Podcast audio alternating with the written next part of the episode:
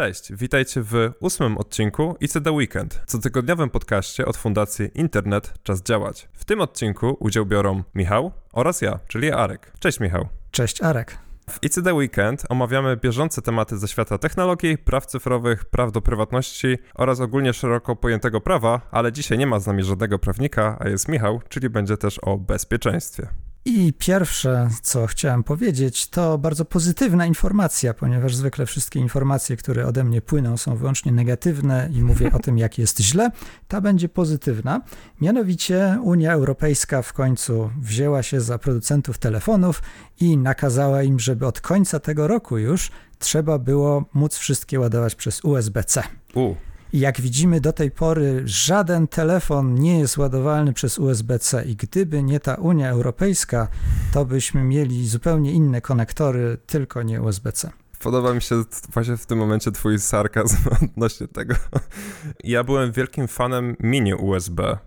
Nie wiem, czy kojarzysz taki konektor. On był przed mikro USB. Kojarzę, kojarzę. I on potrafił się nie popsuć, w sensie i kable się nie tak nie psuły, i gniazda się tak nie psuły, więc uważam, że USB-C jest jednak lepszą opcją, niż byśmy włożyli cokolwiek innego na ten moment. E, to bardzo możliwe i ja popieram w ogóle USB-C. Mój telefon jest ładowany przez USB-C obecnie. Mhm. Nie mam powodu, żeby na to narzekać. To, co mi się trochę nie podoba, to jest ustalanie tego administracyjnie, dlatego mhm. że producenci sprzętu może by zrobili dobrze. Może można wybierać taki sprzęt, który jest ładowany przez USB-C, jeżeli komuś to pasuje, no a jeżeli nie, to nie. Myślę, że ten problem w tej chwili głównie dotyczy iPhone'ów, mhm. ponieważ Apple bardzo uparcie chce wprowadzać swoje konektory. A standaryzacja konektorów jest, ma bardzo długie tradycje. Mhm. Na przykład, jak pamiętam, Nokia kiedyś, zanim w ogóle był standard USB, prawie wszystkie, rzeczywiście nie wszystkie, ale prawie wszystkie miały dokładnie taki sam konektor. To był taki bardzo prosty, taki, który miał tylko plus, minus i okrągłą wtyczkę. No ale ładowarka do Nokii, tak się wtedy mówiło, była uniwersalna zupełnie i pasowała rzeczywiście do wszystkiego. Mhm. Więc to przy odrobinie dobrej woli naprawdę dało się robić bez pomocy, bez, pomocy, bez nakazu Unii Europejskiej, mhm. no tylko właśnie trzeba chcieć. Wiesz co, jeszcze to pamiętam, że Nokia miały też podział, nie? Na ten cienki taki bolec i był taki grubszy bolec, jako ten pierwszy. Tak, ja o tym słyszałem, o tym cienkim bolcu, nigdy go nie widziałem, pomimo, że nawet smartfony Nokia miałem. Mhm. Także, no ale wiem, że dlatego właśnie mówię, prawie wszystkie, a jednak nie wszystkie. Miałem też taką specjalną wtyczkę, która kończyła się mikro USB, czyli mogłeś ładować smartfony, które były na mikro USB, a z drugiej strony były dwa wejścia na te dwa bolce, na taki cienki, na ten gruby i mogłeś użyć ładowarki Nokii do tego, żeby ładować smartfona albo urządzenie, które ładowało się przez mikro USB. To też... A no tak, bo 5 V to 5 V, tak, prawda? Tak, tak, tak, tak. No. Ja widzę jedno zagrożenie, takie, że z jednej strony to, no to jest fajne, że producenci będą do tego zmuszeni, bo jakby jest ta interoperacyjność pomiędzy różnymi urządzeniami. No i teraz są, są, sam iPhone, w sensie Apple, bierze pod uwagę to, że w najnowszym 15 Pro iPhone'ie wsadzili to USB-C, no i od razu wykorzystali wszystkie możliwości, że tam możesz podłączyć, nie wiem, klawiaturę, że możesz podłączyć monitor zewnętrzny do tego telefonu, że możesz podłączyć dysk i nagrywać w locie bezstratnej jakości wideo przez to USB-C, czego nie mogłeś robić przez ten port Lightning. Więc jakieś benefity z tego są. Jedyne zagrożenie, jakie mi przychodzi do głowy, to takie, że jeżeli stworzymy jakiś lepszy kabel, no to jak teraz, jak to teraz wprowadzić do telefonów, kiedy Unia powie, że hej, ja nie możesz używać tego kabla, bo jest USB-C i trzeba używać USB-C, a jestem pewien, że w przyszłości i tak wymyślimy coś lepszego. No i co wtedy, nie? Oj, to jest jedyne zagrożenie. Ja natychmiast widzę inne. Mianowicie, mhm. jak zresztą sam mówisz, przez USB-C przecież płyną dane. No tak. A nie tylko prąd. I mhm. to jak się podłączam w miejscu publicznym do ładowarki, to czy aby na pewno ona nie próbuje od razu atakować mojego urządzenia? I oczywiście hmm. takie ataki już były, także to jest pytanie retoryczne, wiemy, że tak może mhm. być. Mhm. No ale to jest, to jest też zagrożenie, niestety. No to też widzę, że, bo na przykład jak były iPhone, nie wiem czy teraz, czy te USB-C pod iPhone'ami są jakoś do, dodatkowo certyfikowane, czy nie, bo jak na przykład był kabel Lighting, to podłączałeś jeden kabel, to on jakby był rozpoznawany i to akcesorium, które podłączałeś, ten telefon do jakiegoś komputera, no to było jakby zarejestrowane, ale brałeś inny kabel, podłączałeś pod ten sam komputer i iPhone nie reagował, w sensie wiesz, że ten... Oczywiście trzeba było wydać dodatkowe 199 dolarów za certyfikowany kabel, tak? Mhm, mhm, no na przykład. Mhm. Nie wiem, czy aż tyle, no ale to takie, Apple ma takie ciągoty. Mhm. Okej, okay. kontynuując temat aplikacji mobilnych i jakby tych wszystkich smartfonów, to też pozytywna wiadomość z mojej strony. Organic Maps w roku 2023 osiągnął milion użytkowników, swój pierwszy milion użytkowników. Jest to aplikacja, która jest alternatywą dla Google Maps na każdy wyjazd, na który się udaje, Organic Maps jest ze mną i tam mam zapisane wszystkie różne punkty, które chcę odwiedzić i tak dalej. Jest to świetna aplikacja, super szybka, już to mówiliśmy wiele razy na naszym podcaście, ale myślę, że warto to ponownie podkreślić, zwłaszcza, że osiągnięcie miliona użytkowników wśród jakiejś aplikacji mobilnej typu FOS, właśnie takiej wolnej, otwartej, to jest całkiem świetny wyczyn, no i taki wart odnotowania. A gdybyś miał to porównać do Osmanda, to byłoby to lepsze, gorsze? Znaczy się, ja bym to nazwał, że to jest taki simple OSM Ant, że w tej aplikacji masz po prostu te najważniejsze funkcje, które oczekujesz od mapy, ale na przykład wielu rzeczy mi tam też brakuje. Jak na przykład prowadzę samochód, to niby jest asystent pasa ruchu, ale on jest taki. Hmm, taki średni. Jest mało tam też personalizacji, mało możesz dostosować tego, tych rzeczy pod siebie. OSM Ad jest tak rozbudowanym kombajnem, że tam naprawdę dużo rzeczy można dłubać bez końca. Te profile tworzyć, że jeździsz rowerem, to masz takie rzeczy, a na mapie, a jak jeździsz, nie wiem, jak chodzisz pieszo, to masz takie. Tutaj zdecydowanie dla osób poruszających się pieszo, czy też rowerem, to jest spoko dla osób, które podróżują na przykład swoim środkiem lokomocji typu samochód, to tak średnio bym powiedział. Aczkolwiek ja OSM Anda już nie używam od roku, jak nie dwóch lat. I tylko dlatego, że ten Organic Maps po prostu jest szybki. Wyszukiwanie trasy, wyznaczanie tras, nie ma żadnego problemu z tym.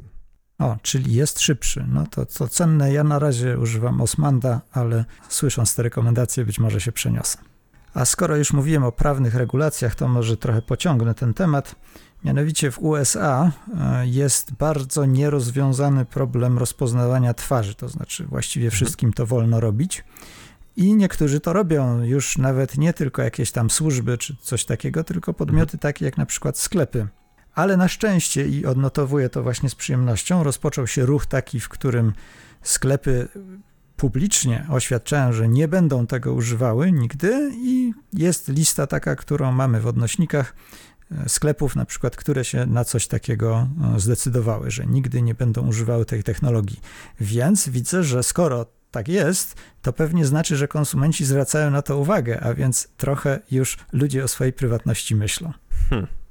No i tutaj właśnie przychodzi mi do głowy mój temat odnośnie Apple'a i Stanów Zjednoczonych, bo nadchodzi premiera Apple Vision Pro, czyli no nie, nie są VR-owe gogle od Apple'a, ale coś więcej, oni to nazywają spatial computer, jakoś tak.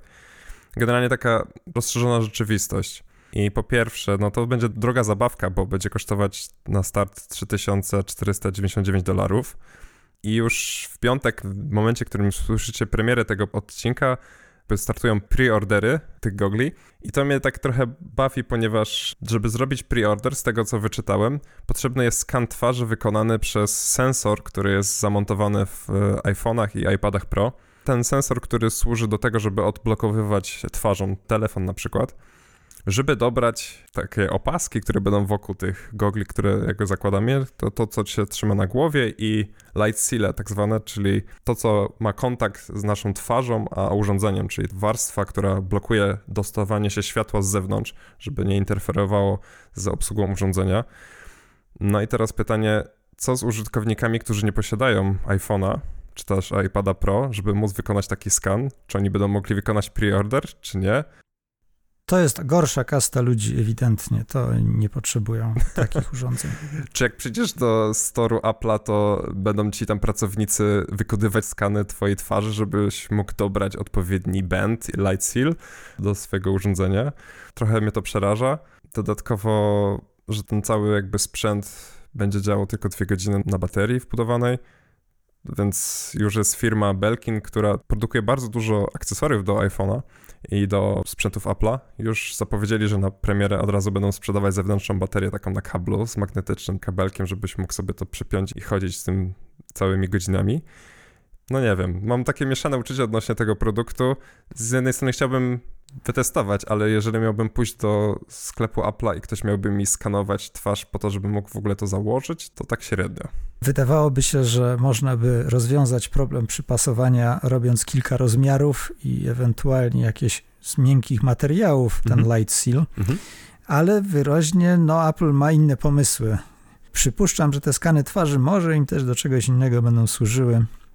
Tym bardziej, że możesz włożyć bo też osoby, które noszą okulary, tak jak ty, czy też ja, jeżeli chciałyby skorzystać z tego urządzenia, a mają jakieś szkła, które są no, bardzo specyficzne, no to musisz przesłać do Apple'a swój ważny, jak to się mówi? Receptę na soczewki? Dokładnie tak, ważną receptę na soczewki i wtedy oni w porozumieniu z firmą Zeiss wykonają ci specjalne soczewki, które ci zamontują w to urządzenie trochę tak. Hmm. No szkoda, że nie wymyślili urządzenia, w którym możesz ubrać po prostu swoje okulary, ale myślę, że to jest dlatego, że tak bardzo blisko oczu są wyświetlane te obrazy. Szkoda, że nie wymyślili urządzenia, w którym można dostosowywać swoją wadę wzroku. O. No, pomyśleć, ale przecież wiemy powszechnie, że jak mamy na przykład lornetkę, to nie możemy dostosować tego do wady wzroku, to musimy robić inaczej.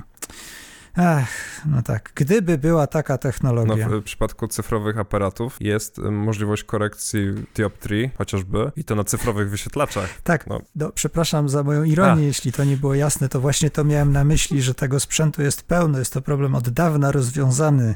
Mogę sobie wyobrazić jakieś tam powody, żeby tak nie robić, bo no, na przykład jeżeli tam soczewki są wbudowane na stałe i nie chce się robić takiego mechanizmu, no może jest jakieś uzasadnienie tego, ale naprawdę wygląda mi to na próbę e, załatwienia jednak innych rzeczy przy okazji mhm. usprawiedliwiania się w pewnym sensie takimi względami. No i też naruszenie do twojej prywatności, bo dajesz korporacji informacje o tych, jak bardzo są popsute twoje oczy. No super, fajnie. No tak, ciekaw jestem, czy trzeba podpisać jakieś zgody na przetwarzanie tych danych. No, no na pewno. I w jakich celach.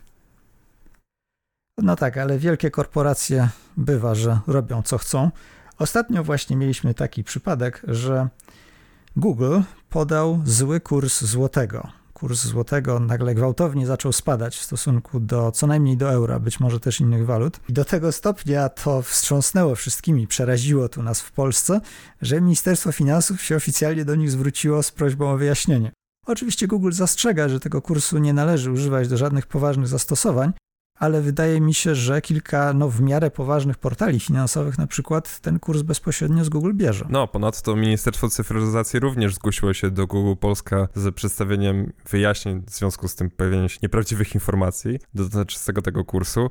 Mnie tak najbardziej dziwi, że w ogóle są na przykład takie portale branżowe jak Business Insider, który wyczytałem gdzieś tam w internecie, że oni zaciągają informacje właśnie z Google'a. Wydawałoby mi się, że jeżeli jest jakiś portal branżowy, to ma jakieś bardziej wyrafinowane narzędzia i źródła, z których bierze się informacje o kursie, a nie na przykład z Google'a, nie? No to trochę nie ufałbym na tyle. Tak, mało insiderem jest ten insider najwyraźniej. Widać, ile taka plotka może powodować zamieszania. Jestem ciekaw, czy to był rzeczywiście niewinny błąd, czy coś tam głębszego. No może jakieś przekręcenie jakiejś wartości w jakimś JavaScriptie, czy coś, że to tak zaczęło rosnąć. Wiesz, bo to najbardziej dziwne jest to, że to nie był skokowy wzrost, tylko to po prostu sobie rosło, czyli jakieś algorytmy w locie na tym działały. Być może Google był na tyle mądry, że nie brał bezpośrednio z jakiegoś tam źródła, z którego oni też pewnie brali mhm. Kursy tylko zastosował jakiś na przykład filtr Kalmana, taki filtr uśredniający w czasie właśnie, mhm. albo coś innego podobnego. No ale nie wiem tego, wiem tylko, że taki błąd wystąpił. W kontekście jakby znowu tych rządowych rzeczy Unii Europejskiej i też Google'a, doszedłem do takiej informacji, że Europol odkrył skimery, cyfrowe skimery w 443 sklepach internetowych działających w Unii Europejskiej je ostrzegł że są one zainfekowane i że mogło tam dochodzić do kradzieży danych kart płatniczych. No i teraz po pierwsze domyślałem się, że istnieje coś takiego jak cyfrowy skimming, ale nie wiedziałem, że coś takiego istnieje. Tak z punktu jakby bezpieczeństwa, to taki bardzo temat dla ciebie.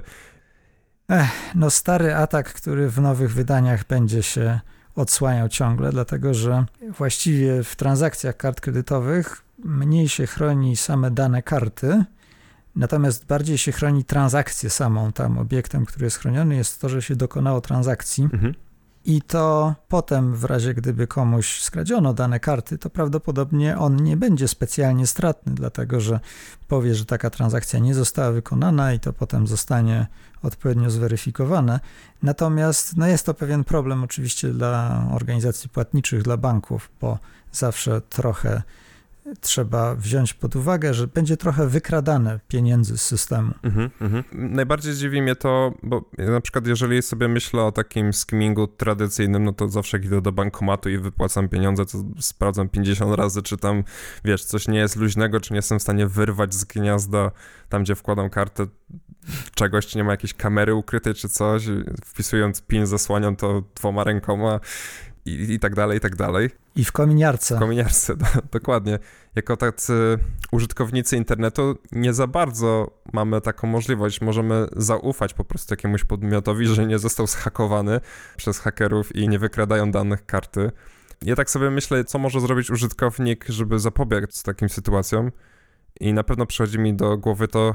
Płacić przelewem. Przepraszam, że znowu moje rozwiązania sprowadzają się, nie róbmy pewnych rzeczy, ale może można zapłacić przelewem w tradycyjny sposób za pomocą bardziej tradycyjnej infrastruktury. Czyli za czasów, kiedy Allegro nie miało całej tej automatyzacji i pisałeś do użytkownika, wysłałem panu już pieniądze, y, proszę o potwierdzenie, czy przelew dotarł. Ponieważ Allegro, skoro taki mamy przykład Allegro, mhm. to elektroniczny skimmer tam słabo by działał, ponieważ tam obsługuje to, o ile pamiętam, PayU. Tak i zawsze to obsługuje PayU, zawsze jest ten sam sposób i to PayU się tym wszystkim martwi, żeby właśnie było dobrze. Więc jeśli tylko jeden podmiot, jeśli tylko PayU nie został zhakowany, no to przypuszczam, że transakcja e, odbędzie się poprawnie i tyle. Mhm. Ja tak sobie myślałem, jeżeli chciałbym faktycznie użyć karty do takiej płatności, no to może rozwiązaniem byłyby jednorazowe karty płatnicze, te wirtualne, gdzie sobie generujesz w tej swojej na przykład aplikacji banku, czy, czy jakoś inaczej i używasz takich danych do tej karty i one po jednej tej transakcji wyparowują, w sensie już są nieważne. Co sądzisz o takim rozwiązaniu? Jest to oczywiście jakiś sposób. Zwracam uwagę, że wiele kart w tej chwili, jak się płaci online, konieczne jest tam już jakieś potwierdzenie tego w banku w danej chwili. Jakieś 3D mhm. Secure na przykład w ten sposób działa, mhm. że muszę połączyć się ze stroną banku i to musi strona, na, która sobie życzy, żebym jej zapłacił kartą, musi to jakoś mi załatwić i żebym w tej stronie banku wpisał po pierwsze PIN, który wcześniej do karty dobrałem i to PIN taki elektroniczny, on może być oddzielny, inny w stosunku do zwykłego PINu. Mhm. No i potem bank jeszcze potwierdza to najczęściej jakimś innym kanałem, czyli w praktyce powiedzmy sobie szczerze, to zawsze jest SMS u nas, czyli przesyła SMS i trzeba wpisać kod z SMS-a. I to przy takiej, no wydawałoby się właśnie normalnej płatności kartą, zdalnej płatności kartą, takie coś się już robi. Ja mam taką kartę, na której tak to właśnie działa. U mnie to znowu jest aplikacja mobilna i też drugie potwierdzenie jest poprzez aplikację, czyli jakiekolwiek transakcja w ten sposób wykonana kartą w internecie wymaga tego dwuskładnikowego potwierdzenia w aplikacji mobilnej. Wcześniej to były też SMS-y. Ok, czyli to by było jakieś rozwiązanie, albo użycie, może użycie blika. Czy też nie? Czy tak? Nie no, jesteś fanem Blika? Ja nie jestem, nie używam. E, być może, powiem, być może. To wymaga niestety z tego, co słyszę, albo użycia telefonu, który ma Google Play Services, którego nie posiadam, mhm. bo mam telefon z innym ROMem, albo jakichś bardzo karkołomnych prób przekonania aplikacji blikowej, że jednak ma się prawilny telefon mhm. namaszczony przez autorów więc u mnie blik nie zadziała tak czy owak, także ja mówię, na starość zostanę człowiekiem wykluczonym cyfrowo. Znaczy się, jeżeli chodzi o blika do generowania kodów, to nigdy nie potrzebowałem e, Google Play Services, bo też blik umożliwia płatność zbliżeniowa i to już jest jakby inna szkoła jazdy i tam faktycznie, żeby móc płacić, to musisz mieć ten zweryfikowany build w swoim telefonie i jeden prawilny ROM, żeby móc to używać, więc no tak. miałem też walkę z mBankiem na tym polu, ale jakby poddałem się. Zdaje się, że opisywałeś ją nawet na naszych łamach, prawda? Tak, i opisywałem to też na naszej grupie patronów, do której was serdecznie zapraszamy koniec końców się poddałem i po prostu płacę albo gotówką, albo kartą. I tak wyszedłem z założenia, że dobrze mieć możliwość odseparowania własnego telefonu, urządzenia od możliwości płatności, czyli żeby nie móc tym telefonem jednak zapłacić, tylko w każdej chwili mogę nie zabrać karty ze sobą, albo zabrać, albo wziąć tak. gotówkę, nie? Tak. Więc jakby to jest spoko podejście. Jedno, co jeszcze mnie dziwi odnośnie Europolu, to że nie podano jakich, jak nie znalazłem informacji, jakich to sklepów dotyczy, albo jakich prowajderów płatności to dotyczy, więc ostrzegli, ale nie powiedzieli kogo, w sensie nie powiedzieli do publicznej informacji, zastanawiam się dlaczego. Myślę, że raczej to nie było ostrzeżenie, tylko się pochwalili. Mhm. Gdyby to było ostrzeżenie, to byś wiedział właśnie, to, to coś mógłbyś z tego wynieść, ale nie możesz, tylko że wykrył i ostrzegł, więc doskonale działa. I myślę, że takie podejście w bezpieczeństwie jest spoko. W sensie, jeżeli teraz ktoś ma zapisaną Ech. kartę płatności, bo są takie sklepy internetowe, gdzie mogę kartę płatności podać i ona jest zapamiętana w jakiś tam dziwny sposób, teraz te dane tam leżą i nie wiesz, czy w jakimś sklepie nie ktoś nie podał karty i te jego dane tam nie zostały już ściągnięte. Jeżeli wiadomo, że te dane wyciekły gdzieś, to należałoby poinformować właścicieli tych danych i to chyba mamy odpowiednie przepisy do tego mhm. nawet, więc to nie jest kwestia mojego uważania, tylko tak trzeba robić. Mhm. Natomiast inną sprawą jest, że oni, no nie wiem, czy byli w pełni przekonani o tym, że wszędzie tam są te skimery, tylko że mogą być, więc być może ostrzeżenie miało charakter taki, że słuchajcie, widzieliśmy, że jest taki problem i tu macie jak sprawdzić, czy nie macie tego problemu i proszę sprawdźcie u siebie, czy macie ten problem, no i go usuńcie, jeśli go macie wtedy podawanie nazw sklepów byłoby też nie w porządku, mhm. bo robiłoby tylko negatywną reklamę tym sklepom, mhm. a być może wcale problemu na przykład nie było. Z tego co wyczytuję, to informacja brzmi tak, że Europol powiadomił ponad 400 stron internetowych, że ich sklepy zostały zhakowane za pomocą złośliwych skryptów, które kradną karty debetowe i kredytowe klientów dokonujących zakupy. No więc a, no to rzeczywiście myślę, że trzeba by było podjąć jeszcze dalej idące działania. Okej. Okay. Trzeba uważać na takie rzeczy. I skoro mówimy o telefonach, to ostatnio na badaczy Kasperskiego, tej firmy, która zajmuje się bezpieczeństwem, jest dość znana ze swojego programu antywirusowego, na nich został przeprowadzony bardzo ciekawy atak, w którym było wykorzystane kilka zero dayów. Mhm. Także teraz już na pracowników takiej firmy jest wykorzystywany malware o poziomie zaawansowania, który no parę lat temu to był domeną agencji wywiadowczych, sił wojskowych, raczej państw, a nie organizacji jakichś mhm. no, prywatnych, powiedzmy. Mamy w odnośnikach opis tego. To można sobie w wolnej chwili przeczytać, ile tam tego było. Myślę, że tu nie ma sensu wchodzić w szczegóły, ale to właściwie, biorąc pod uwagę wagę błędów, jakie tam zostały użyte, no to tylko potwierdza moją teorię, że jeżeli coś może zostać schakowane, to zostanie schakowane, a nawet jak nam się wydaje, że nie może, to pewnie też zostanie schakowane, więc niektórych rzeczy nie należy robić, no i w szczególności opierać pewne kwestie o telefon komórkowy. Mhm. Myślę, że dla naszych y, nienerdowskich słuchaczy musiałbyś wytłumaczyć jednak, czym jest Zero Day. Ach, o, przepraszam, rzeczywiście. Zero Day to jest typ błędu jakiegoś bezpieczeństwa, o którym nie wie jeszcze producent oprogramowania, w którym ten błąd znaleziono. Mhm. Dlatego, że jeżeli znajdziemy gdzieś błąd, no to możemy kilka rzeczy możemy zrobić. Jedną z nich jest na przykład nie używanie go, tylko trzymanie go w ukryciu, żeby użyć go w przyszłości, jak nam będzie potrzebny. To się gdzieś będziemy mogli włamać, no i będzie fajnie. Tylko, że wtedy ryzykujemy, że producent znajdzie ten błąd, no dlatego, że producenci oprogramowania bywa, że sprawdzają swoje oprogramowanie i błędy znikają. Mhm.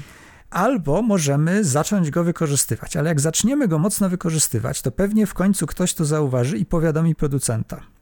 No i w momencie, jak producent już wie o błędzie, to licznik, że tak powiem, zaczyna biec, dlatego że jeżeli błąd jest powszechnie wykorzystywany, i producent o nim wie, no to prędzej czy później pojawi się łatka i w kolejnej wersji oprogramowania już tego błędu nie będzie. Więc bardzo cenne są takie błędy, o których producent jeszcze nie wie. Właśnie takie, które zostały zachowane gdzieś tam, zostały wykryte i nikomu o tym nie powiedzieliśmy, nie wykorzystywaliśmy ich, a przynajmniej nie szeroko ich nie wykorzystywaliśmy, tylko trzymaliśmy je na czarną godzinę i właśnie nadeszła ta czarna godzina i teraz wykorzystujemy taki błąd. Mhm. I jeden taki błąd, to zależy oczywiście od jego wagi, ale potrafi często mocno namieszać. Bywały wormy, które przejmowały kilkanaście milionów komputerów, których głośno było o nich w radiu i telewizji. Taki miały duży wpływ na nasze codzienne użytkowanie komputerów, a wykorzystywały na przykład tylko jeden taki błąd. No a tam było mhm. wykorzystanych kilka. To się już wcześniej zdarzało, oczywiście. No, taki ciekawy atak, który rzeczywiście bardzo wiele wykorzystywał błędów typu Zero Day, to jaki pamiętam, na różne architektury, e, to był mm, Stuxnet. To myślę, że bardziej obyci z bezpieczeństwem słuchacze może coś kojarzą, dlatego że to jest taki już w tej chwili klasyczny książkowy przykład Worma, który prawie na pewno był pisany przez wywiad.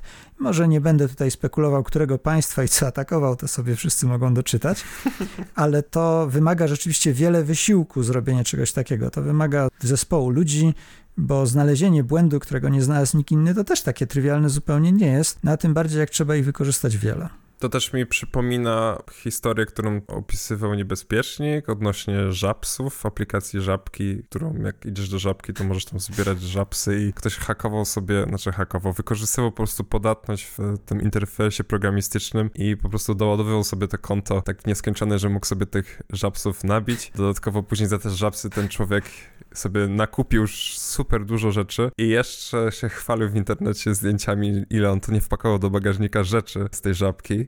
Więc tutaj ten Zero Day chyba nie zadziałał, bo po prostu ta osoba się przyznała do tego, że okrada żabkę w jakiś tam sposób. No i w tym momencie już przestał być Zero Day. Dokładnie tak. Ale Zero Day jak najbardziej zadziałał, jak widać. Dokładnie tak. No i takich właśnie dziur w oprogramowaniu, drodzy słuchacze, możecie znaleźć wiele. Jeżeli odpowiednio macie tutaj umiejętności, możliwości i czas, to w 100% oprogramowania, jak nie w 99% jesteście w stanie coś znaleźć, bo człowiek nie jest nieomylny, to po prostu ludzie tworzą to oprogramowanie i zawsze można coś tam wykminić, nie? No, ostrożnie, to znaczy znamy pewne techniki dowodliwego sprawdzania kodu, którymi możemy określić, że mhm. pewnego rodzaju błędów, pewnej kategorii błędów dany kod nie zawiera. I to się czasami mhm. robi, ale to jest, ojej, to jest trudne, no a poza tym to zawsze dotyczy tylko pewnego rodzaju błędów. W ogólności to też słuchaczom, skoro już mówimy o takiej teorii, to jeszcze powiem, w ogólności sprawdzenie, czy program zawiera błędy, nie jest możliwe, mechaniczne takie. To można udowodnić, że mhm. się tak nie da, także to już wiemy, że to jest niemożliwe. Okay. A skoro już o błędach mowa i zero dayach, to mam jeszcze jedną ciekawostkę z dziedziny bezpieczeństwa. Otóż opisana została ładnie luka w bezpieczeństwie o nazwie Reverse RDP dotycząca protokołu zdalnej kontroli desktopu. On jest wykorzystywany do tak jakby zdalnego kontrolowania komputerów, tak jakby się siedziało przed komputerem, ale która działa w odwrotną stronę niż by się normalnie można było spodziewać. Dlatego, że jesteśmy przyzwyczajeni, mhm. że jak się wystawia serwer gdzieś, komputer, który oczekuje na połączenia od klientów, oj, to ten serwer w dzisiejszych czasach to ma ciężko. Musi odpierać ataki różnych ludzi, którzy chcieliby wejść na niego, nie mając praw dostępu do niego, no i tam różne złe rzeczy mu zrobić. Natomiast ta luka w bezpieczeństwie pozwala serwerowi, jak się do niego połączy jakiś klient tego protokołu, pozwala serwerowi przejąć kontrolę nad nim, dlatego że protokół RDP jest na tyle bogaty, że umożliwia takie działanie w drugą stronę. Czy nie jest tak, że ten y, protokół umożliwia to w drugą stronę na przykład po to, żebyś mógł, powiedzmy, pobrać sobie plik z tamtego komputera na swój komputer albo coś takiego? ale to nawet to nie takie rzeczy tam są wykorzystywane. Tam jest wykorzystywane po prostu jak zwykle błędy dotyczące mhm. przepełnienia różnych struktur, mm. przepełnienia bufora. No bo jak mówiłem, dekodowanie różnych rzeczy jest trudne, jeżeli mamy dane o nieznanej długości, a tak w praktyce jest, jeżeli coś na przykład jest skompresowane, to trudno sobie wyobrazić, żeby było inaczej, no to szybka obsługa tego nie jest taka zupełnie prosta i często przy tym są popełniane błędy. I tutaj też był ten taki błąd właśnie popełniony. Jak jesteśmy w kontekście aplikacji i różnego rodzaju zdalnego dostępu, no to tutaj musiałbym przytoczyć historię HP. Może nie historię HP, a tego, że pozew został postawiony przeciwko HP za, uwaga, blokowanie kartridży innych firm w ich drukarkach. I to jest oskarżenie o monopol. To będzie opiewało na 5 milionów dolarów. Pozew jest w stanie Illinois w Stanach Zjednoczonych. Ci, co pozwali właśnie HP mówią o tym, że aktualizacje, które były dokonywane przez HP, zmniejszały funkcjonalność tych drukarek poprzez to, że zmuszali klientów do zakupu atramentów od HP. I to były aktualizacje, które się nazywają w ogóle Dynamic Security. Ha, ha. E, Nie wiem czemu akurat tak. I wchodziły one z końcem 2022 roku i początkiem 2023 roku. No jest to jakieś security, tylko kto się zabezpiecza przed kim? I, I przed czym? bo wydaje mi się, że przed tym, żeby tutaj przychody się zgadzały, bo jak potwierdziła pani y, szefowa finansów HP, czyli ten CFO, mówiła o tym, że przejście z modelu transakcyjnego na model subskrypcyjny, w którym użytkownicy się zapisują na subskrypcję, że będą zamawiać ten atramenty od HP i tak dalej, chyba nawet papier również, że to daje 20 procent więcej przychodów dla firmy, nie? Z takiego klienta. Więc już wszystko, wszystko jest jasne. Jak nie wiadomo o co chodzi, to chodzi o pieniądze. Jakby HP próbuje jakby odpierać I akcjonariusze HP powinni słuchać tego i się cieszyć, natomiast klienci HP powinni raczej w panice uciekać. Oj, zdecydowanie. Dla mnie powiem brutalnie, że to jest. Dobra, nie powiem brutalnie, nie użyję tych słów, ale możecie się domyślić, co myślę o firmie HP. W warunkach gwarancji HP nie ma żadnej informacji o tym, że użycie nieoryginalnych tuszy jakby anuluje gwarancję, czy też popsuje drukarkę, a to też robił dokładnie ten, ta aktualizacja. Aktualizacja wprowadza to, że jeżeli wstawiłeś do drukarki nieoryginalny tusz, to drukarka była zablokowana przez oprogramowanie i nie pozwalała ci na pracę. Więc to już mówiliśmy na naszej grupie patronów. Czekam na moment, w którym zacznie się produkować specjalny papier z DRM-em. Będzie to po prostu biały papier, ale drukarka będzie w stanie rozpoznać, że to jest nieoryginalny papier HP i nie wydrukuje żadnej strony. No kto wie, może się tego doczekamy. I to też właśnie ciekawe, że to są niby aktualizacje, które Mhm. powinny zwiększać funkcjonalność, poprawiać bezpieczeństwo, skoro nazywają to nawet Dynamic Security, a robią zupełnie co innego. Ale z takimi poprawkami to bywa problem, nawet jak ma dobre intencje producent, to się coś psuje. Mhm. Ostatnio internet obiegły obrazki, do których też mamy odnośnik, których to pojawia się po aktualizacji samochodu, ponieważ mamy teraz takie czasy, że samochody też aktualizujemy. Pojawiał się ekran, który był właściwie w odcieniu trochę takim niebieskim, więc prawie blue screen, na którym był komunikat, że update not successful, vehicle cannot be driven. Czyli, że nie powiodła się aktualizacja i że e, pojazdu, nie można pojazdem jechać. A poniżej jeszcze były instrukcje do tego, co należy zrobić, żeby mógł zostać odholowany. Się oczywiście zaczęły dyskusje, czy to jest prawda, czy nieprawda, ale okazuje się, że podobno tak. I rzeczywiście coś takiego się może zdarzyć. Co jest fascynujące, dlatego że wydawałoby się, że w czymś takim jak samochód, no położy się większy nacisk na to, żeby w razie czego można było wrócić do ostatniej wersji oprogramowania. Właśnie to chciałem powiedzieć. Postęp. Postęp, proszę państwa. Naprawdę.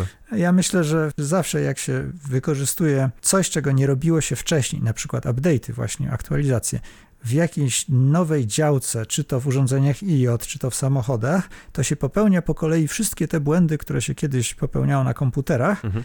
no aż się nie nauczy, żeby robić to jednak tak, jak się to robi teraz na komputerach dużych. To mi przywodzi na myśl routery. Na przykład mój router, chyba to jest Linksys, no to ma on dwie partycje i jak się aktualizuje, to ten update przychodzi na tą drugą partycję. Jak się wszystko zadziałało, to on korzysta z domyślnie z tej drugiej partycji, a jeżeli nie zadziałało, to korzysta z tej pierwszej, a wtedy jak przychodzi kolejny update, to nadpisuje tą pierwszą i wiesz, tak na zmianę, przez to możesz na przykład zainstalować takie otwarte oprogramowanie jak OpenWRT na nim i mieć oprogramowanie Linksysa, a na drugiej partycji OpenWRT i sobie żonglować tym oprogramowaniem, nie? I nie ma takiej sytuacji, że wywalił ci się update i masz zbrykowany router. No i to jest właśnie porządne rozwiązanie tego problemu i mam nadzieję, że się tego jeszcze doczekamy. Zresztą samochody w ogóle współczesne to jest coś strasznego. Na grupie patronów mieliśmy odnośnik już do tego, jak Mozilla sprawdzała polityki prywatności różnych samochodów, ile zbierają danych o użytkownikach i co z nimi robią. To było przerażające. A ja mam, jeśli chodzi o samochody, odnośnik dziś do artykułu na New York Timesie. On opowiada historię tego, jak samochód jest śledzony przez partnera pary, która jest w separacji. On tam byłą żonę swoją śledzi dzięki temu, że Mm, jest tak jakby konto na niego, to z którym jest związany samochód, no i on może uzyskiwać e, informacje o tym, gdzie on się znajduje. skrozu. No i ten artykuł jest pisany tak, żeby właśnie zgrozę pokazać ze strony tej kobiety, a tam inne ciekawe rzeczy się pojawiają. Na przykład, że takie wspomniane jest tylko jak jeśli być może ktoś będzie czytał, to polecam zwrócić uwagę, że kobieta uzyskała jakoś dostęp do jego aktywności internetowej, cytuję. Takie jedno zdanie jest wtrącone. Ja się bardzo zastanawiam, dlaczego. W jaki sposób? No także tam myślę, że obie strony jakoś walczą ze sobą elektronicznie, ale w każdym razie to, na co chciałem zwrócić uwagę, to jest to, że jeżeli samochód zbiera takie dane, na przykład o tym, gdzie jeździ gdzieś to raportuje, no a to robi, to to zostanie wykorzystane. No i właśnie widzimy przykłady, jak zostaje wykorzystane. Mhm. No i to nie musi być ten producent czy jakiś podmiot trzeci, tylko po prostu może to być ktoś z twojej rodziny, czy właśnie ktoś skłócony, czy też z operacji, tak jak mówisz. No. Tak, no robi to wprawdzie za pośrednictwem tam producenta, czy przynajmniej dostarczyciela tego śledzącego rozwiązania, ale to właśnie chodzi o to, że motywacje mogą być inne niż tylko takie motywacje kogoś, kto nas nie zna, że tak powiem, kto jest zainteresowany naszymi danymi tylko dlatego, że to jest tam potencjalny kolejny wiersz w arkuszu kalkulacyjnym danych o mhm. konsumentach. Mhm. No tutaj przywodzi mi też na myśl ten artykuł, który, o którym wspominałeś od tej Mozilla, że badali oni 25 takich głównych marek samochodów, w tym BMW, Forda, Toyota, Tesla, Kia i tak dalej. I tam naprawdę były straszne rzeczy. Tam były rzeczy odnośnie, zaczynając od naszych zdrowotnych i genetycznych informacji o tym, jak prowadzimy, gdzie jeździmy. Tak, preferencje seksualne, dlatego że to jest bardzo potrzebne producentowi samochodu. To jest oczywiste, że to się przydaje.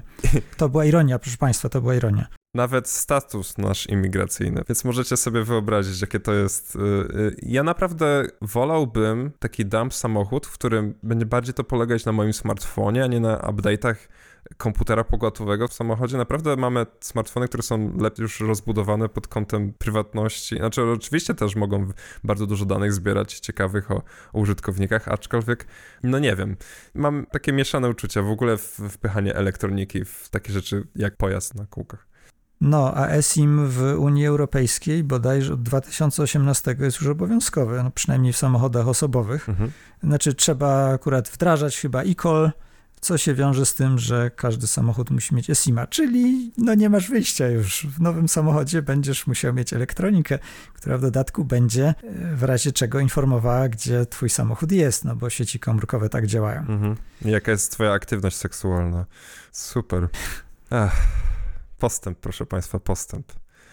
No, ale jeżeli mówimy tutaj w kontekście postępu, to chciałbym przejść do informacji, którą podał nam pan poseł Michał Gramatyka na naszych fediversowych social mediach o tym, że e, będzie otwarty kod M-Obywatela. I tutaj cytuję, że minister właściwy do spraw informatyzacji udostępnia aktualny kod źródłowy aplikacji M-Obywatel w Biuletynie Informacji Publicznej na swojej stronie podmiotowej w terminie 14 dni od dnia wdrożenia nowej wersji tej aplikacji. I to jest jedna poprawka. I drugą poprawką jest, że minister właściwy do spraw informatyzacji po raz pierwszy udostępni kod źródłowy aplikacji M-Obywatel w Biuletynie Informacji Publicznej na swojej stronie podmiotowej w terminie 12 miesięcy od dnia wejścia w życie w ustawy. I teraz, okej, okay, z jednej strony fajny krok w kierunku, że idziemy public money, public code, aczkolwiek jaką jako obywatel mam informację, jak mogę to sprawdzić? Nie będę mógł tego sprawdzić, że ta aplikacja, którą pobierzecie z, z, tego Google Play Store czy skądś indziej, bo mam nadzieję, że też będzie można pobrać APK spoza Google Play Store i użytkownicy nie będą zmuszeni do tego, żeby pobierać to na przykład ze sklepu Google'a, czyli amerykańskiej korporacji, polską rządową aplikację. Czy ten kod aplikacji będzie tym samym, z czego jest zbudowana ta aplikacja, którą pobieramy z, z tego sklepu? Wiem, że w terminie do 14 dni, być może nie, ale czy po terminie 14 dni czy to jest na pewno to samo? No ciężko będzie obywatelom to zweryfikować. No może się doczekamy kiedyś infrastruktury, w której verified builds będą tak zwane, czyli właśnie będzie to można sprawdzić i tak dalej, i tak dalej. Mam nadzieję, że nie będzie to kod udostępniany w formie PDF-u w biuletynie informacji publicznej na przykład. No właśnie, mało korzystałem z BIP-a i mam nadzieję, że chociaż to będzie zipka z całym source codem, no bo jeżeli tak by było, no to jako obywatele moglibyśmy tę aplikację sobie zbudować i próbować się zalogować do M-Obywatela z takiej zbudowanej aplikacji. bo miałbyś źródło, wiedziałbyś przynajmniej co robi klient. Powinno się dać. Powinno się dać. Jeżeli to będzie faktyczny kod źródłowy, kompletny, no to powinniśmy móc zbudować taką aplikację i ją spróbować użyć. No zobaczymy. No, to ma wejść od lipca bieżącego roku, więc będziemy trzymać puls e, na tej sprawie i patrzeć, co się, jak się ta sprawa rozwija. No tak, kilka razy wspominaliśmy, no bardzo ironicznie wprawdzie w tym odcinku, że to postęp, postęp, to na koniec może jeszcze też trochę e, śmieszniejszych rzeczy opowiedzmy o postępie, mianowicie być może pojawi się nowy klawisz na klawiaturach, klawisz do kopilota. Copilot to jest twór od Microsoftu. Oni to nazywają codziennym wsparciem AI. I to jest taka technologia, która ma umożliwić w Windowsie 11 dostęp do ponad 150 nowych funkcji, w którym będzie można na przykład automatycznie notować sesję w notatniku. Wow. Będzie przebudowany eksplorator plików i w jakiś sposób będziemy mogli wyszukiwać te pliki jakoś nowocześniejszy, lepszy sposób. O. Szybko wyszukiwać zdjęcie na podstawie zawartości zdjęcia, etc., etc. Więc do tego ma się pojawić dedykowany przycisk na klawiaturze. Że użytkownik będzie mógł kliknąć i wywołać tego swojego kopilota, który mu pomoże w jego codziennych działaniach i przyspieszy jego pracę, uwolni kreatywność itd., tak itd. Tak I konieczny jest absolutnie kolejny przycisk na klawiaturze. Myślę, że niektórzy z naszych słuchaczy są na tyle już posunięci w latach, że pamiętają taki sam marketingowy hałas, który był, kiedy pojawiał się klawisz Windows na klawiaturach, no to jak widać, tak, co jakiś czas Microsoft musi sobie wprowadzić nowy klawisz. Mhm. Obecne statystyki mówią, że co 30, tak mniej więcej. No, ja mam jeszcze taki stary komputer IBM 600 ThinkPada, kiedy to jeszcze był IBM, a nie Lenovo. I tam nie ma faktycznie przycisku Start od Windowsa. I powiem ci, że to tak dziwnie wygląda, bo ten Control i ten Alt są takie szerokie. Ja nie wiem, naprawdę, to jest, to jest naprawdę dziwne. Ja mam jeszcze klawiaturę, ten ikoniczny Model M, mhm. która oczywiście też nie ma takich brewerii jak przycisk Windowsów. Mhm. No, ale kiedyś to się robiło klawiatury, teraz to mają za dużo guziczków. Znaczy się, ja tak w ogóle myślę sobie, że będzie taka sytuacja, że jako użytkownik sobie ktoś tam kupi tego Windowsa 11, włączy go, będzie chciał go zainstalować na jakimś komputerze, nie? I będzie sytuacja, że ten instalator powie, że masz podpiąć kompatybilną klawiaturę do komputera ponieważ nie ma przycisku Copilot, to nie możesz zainstalować Windowsa. Nasze żarty często stają się prawdą i obawiam się, że tu w przyszłości też tak będzie, że będziecie mieli komputer, który nie ma takiego klawisza, no to jeżeli nie podepniecie na USB chociażby tej klawiatury z przyciskiem Copilot, to Windows się nie zainstaluje. Wcale się nie zdziwię, jak tak będzie. Ach, poczekamy, zobaczymy. No i właśnie tutaj w kontekście naszego sarkazmu do postępu jest taka amerykańska sieć sklepów, która się nazywa Fry's Marketplace i oni wprowadzili, uwaga, uwaga, zamiast, tak jak macie lodówki i tam są napoje i różne inne produkty, no to zamiast tych szklanych drzwi są takie drzwi, które mają zamontowane ekrany. I te ekrany pokazują, co jest w środku lodówki. No, więc y, po pierwsze... Genialna! Po pierwsze ta redundantna informacja, y, no, no po prostu mnie rozbraja, że no okej, okay, można by to argumentować, żeby ludzie nie otwierali tych lodówek, bo ta lodówka wtedy się ogrzewa w środku i ona musi, wiesz, przyspieszyć te swoje silniki, no, żeby się tam schłodzić z powrotem i tak dalej. Ale... Gdybyśmy potrafili jakąś technologię zastosować, żeby można było zobaczyć, co jest w lodówce bez jej otwierania i bez użycia ekranów LCD, może jakiś geniusz kiedyś na coś takiego wpadnie. No, a i, i oczywiście żeby nie było tak, że tylko i wyłącznie są wyświetlane produkty na tych ekranach, to również są wyświetlane tam reklamy i różne promocje. Bo nie mamy takiej technologii, żeby przypiąć coś do półki, żeby tam był jakiś taki stędzik i tam była informacja, że coś jest na przykład 20% tańsze, jeżeli weźmiesz dwie sztuki zamiast jednej. Więc no, żyjemy w naprawdę ciekawych czasach i czekam na kolejny update tych lodówek, ponieważ podają, że no, na tych ekranach wyświetla się, że Voice Assistant coming soon, więc będę śledził ten temat. Jestem ciekaw, jak będzie działał ten asystent głosowy przy tych lodówkach, bo może będzie teraz niepotrzebny człowiek w sklepie, będziesz po prostu gadał do lodówki, czy w środku jest taki czy inny napój. I lodówka będzie prawdopodobnie odpowiadała bardzo długim wywodem na temat tego, jakie są aktualne promocje. A potem być może, jak będziesz miał szczęście, to odpowie na to pytanie. Oj, tak. No dobrze. Oj, w jakich okropnych czasach przyszło nam żyć. Jeśli ktoś chciałby coś bardziej ponadczasowego, to mój ostatni punkt programu na dzisiaj to wspominam o tym, że WordPress zaczął oferować stuletni hosting. Można U. sobie wykupić za cenę wyciskającą łzy z oczu hosting na 100 lat. Jeżeli ktoś uważa, że WordPress jest firmą, która w ogóle 100 lat jeszcze wytrzyma, no to może sobie z góry zapłacić za to, żeby jego strona była przez 100 lat utrzymywana. Co jest ciekawe, chociażby z tego powodu, że na przykład w tym się mieści domena, no poddomena właściwie, mhm.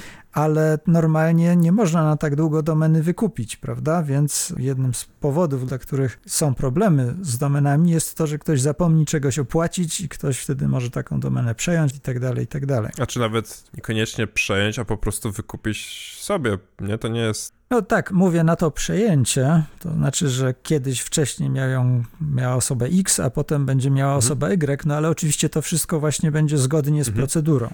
No ale też słyszałem, może mi się to wydaje, że słyszałem o jakichś różnych organizacjach, firmach, których na przykład ktoś wyczaił, że domena się kończy i wykupił tę domenę, a później oni tego człowieka pewnie ciągali po sądach czy coś takiego. Nie słyszałeś o czymś takim? Bo coś mi się, coś mi świta. Oczywiście, że słyszałem. Bywa też, że ktoś wykupi domenę jakiejś dużej firmy i on im po prostu oddaje potem w czynie społecznym. Tacy ludzie się też zdarzają. Wow. Także działa to w różne strony. No i żeby było tutaj bardziej słono, to ten one payment, który podaje WordPress to 38 tysięcy dolarów.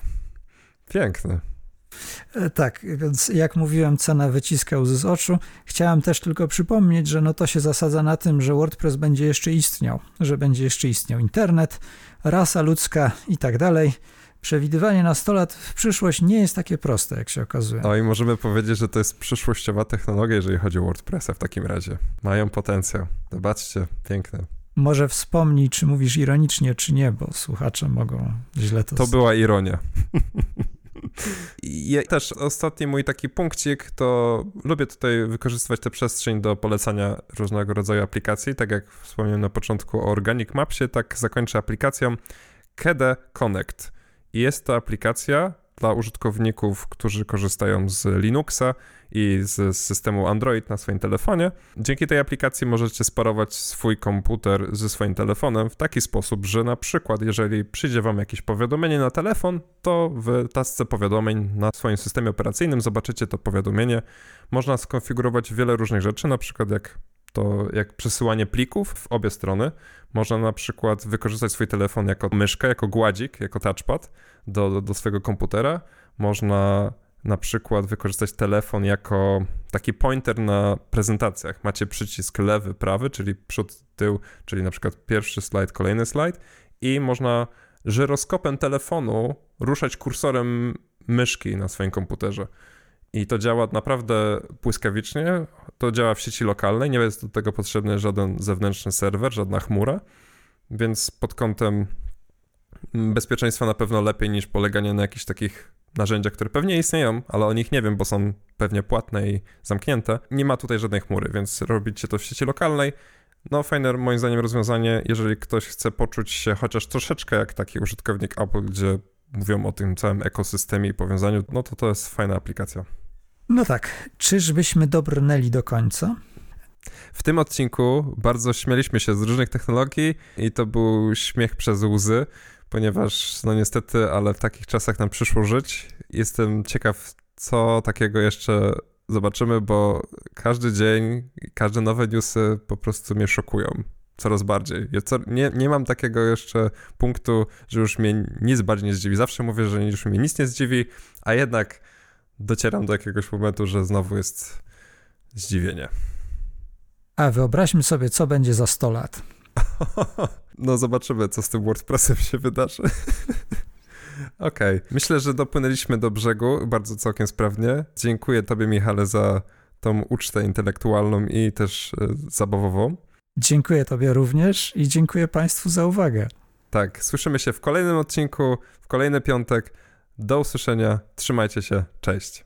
Cześć. Jeżeli przypadł Ci do gustu nasz podcast, zachęcamy do wspierania nas na Patronite i na LiberaPay. Umożliwia nam to pokrywanie kosztów naszej inicjatywy, takich jak serwery, na których utrzymujemy nasze strony, filmy i podcasty, czy ilustracje do naszych artykułów. Na Patronite można wybrać trzy kwoty wsparcia. Pierwsza to 3 zł miesięcznie. Jeżeli wybierzesz tę opcję, pomagasz nam pokryć koszty serwerów i inne koszty operacyjne związane z naszą inicjatywą. Druga to 7 zł miesięcznie. Jeżeli wybierzesz tę opcję, dostaniesz dostęp do tzw. Tak grupy patronów, czyli czatu, na którym możesz rozmawiać ze mną, z Arkiem i z Agnieszką, a z Olą oraz z innymi patronami. Internet, czas działać. E, dzielimy się tam zakulisowymi informacjami i pomagamy sobie nawzajem w odkrywaniu nowych, otwartych rozwiązań, a czasem nawet udzielamy sobie nawzajem wsparcia technicznego i prawnego. Czat jest dostępny za pomocą Matrixa oraz Telegrama. Postawiliśmy mostek, dzięki któremu masz dostęp do całej dyskusji, niezależnie od tego, którą platformę wybierzesz. Członkowie grupy są też zapraszani na comiesięczne spotkania wideo z całym naszym zespołem. Trzecia kwota na Patronite to 14 zł miesięcznie. Wybierając tę kwotę dostaniesz dostęp do grupy patronów, a także Twój pseudonim lub imię i nazwisko zostaną wyczytane na końcu naszych odcinków, o ile Twoja darowizna nie jest anonimowa oczywiście. Oto aktualni patroni, którzy właśnie tak szeroko otworzyli swoje serca i portfele na rzecz naszej inicjatywy. Grzegorz Cichocki, Damian Haugas, Dawid Gosławski, Gustaw Tański, Marcin Karwowski, Tomasz Chrycyna, Łukasz Nachaczewski, Łukasz Hawryłko, Miklo, Monika Koperkiewicz, Artur Markowski, Mateusz Jabłoński, Filip Fifando, Krzysiu Weiss, Marcin Mokrzycki, Mateusz Jarczyński. Serdecznie dziękujemy tym wyczytanym oraz wszystkim innym patronom, którzy nas wspierają w walce o lepszy internet. Te same nagrody można uzyskać patronując nam na LiberaPay, który umożliwia opcję wspierania nas całkowicie anonimowo, jak i wybrania dowolnej kwoty wsparcia. Można nas też wspierać za pomocą bezpośredniego przelewu bankowego. Zainteresowanych prosimy o kontakt mailowy. Linki do naszych profilów na Patronite i LiberaPay, jak i do naszych kont na Fediversum i innych sieciach społecznościowych możecie znaleźć w zakładce Kontakt na naszej stronie internetowej. Drobna uwaga. Wyszukiwarka Patronite jest bardzo pedantyczna i nie pokazuje nas osobom, które wpisują samo internet czas działać, bez kropki po słowie internet. Najlepiej zatem jest nas znaleźć właśnie w zakładce Kontakt na www.internetczasdziałać.pl. Do usłyszenia.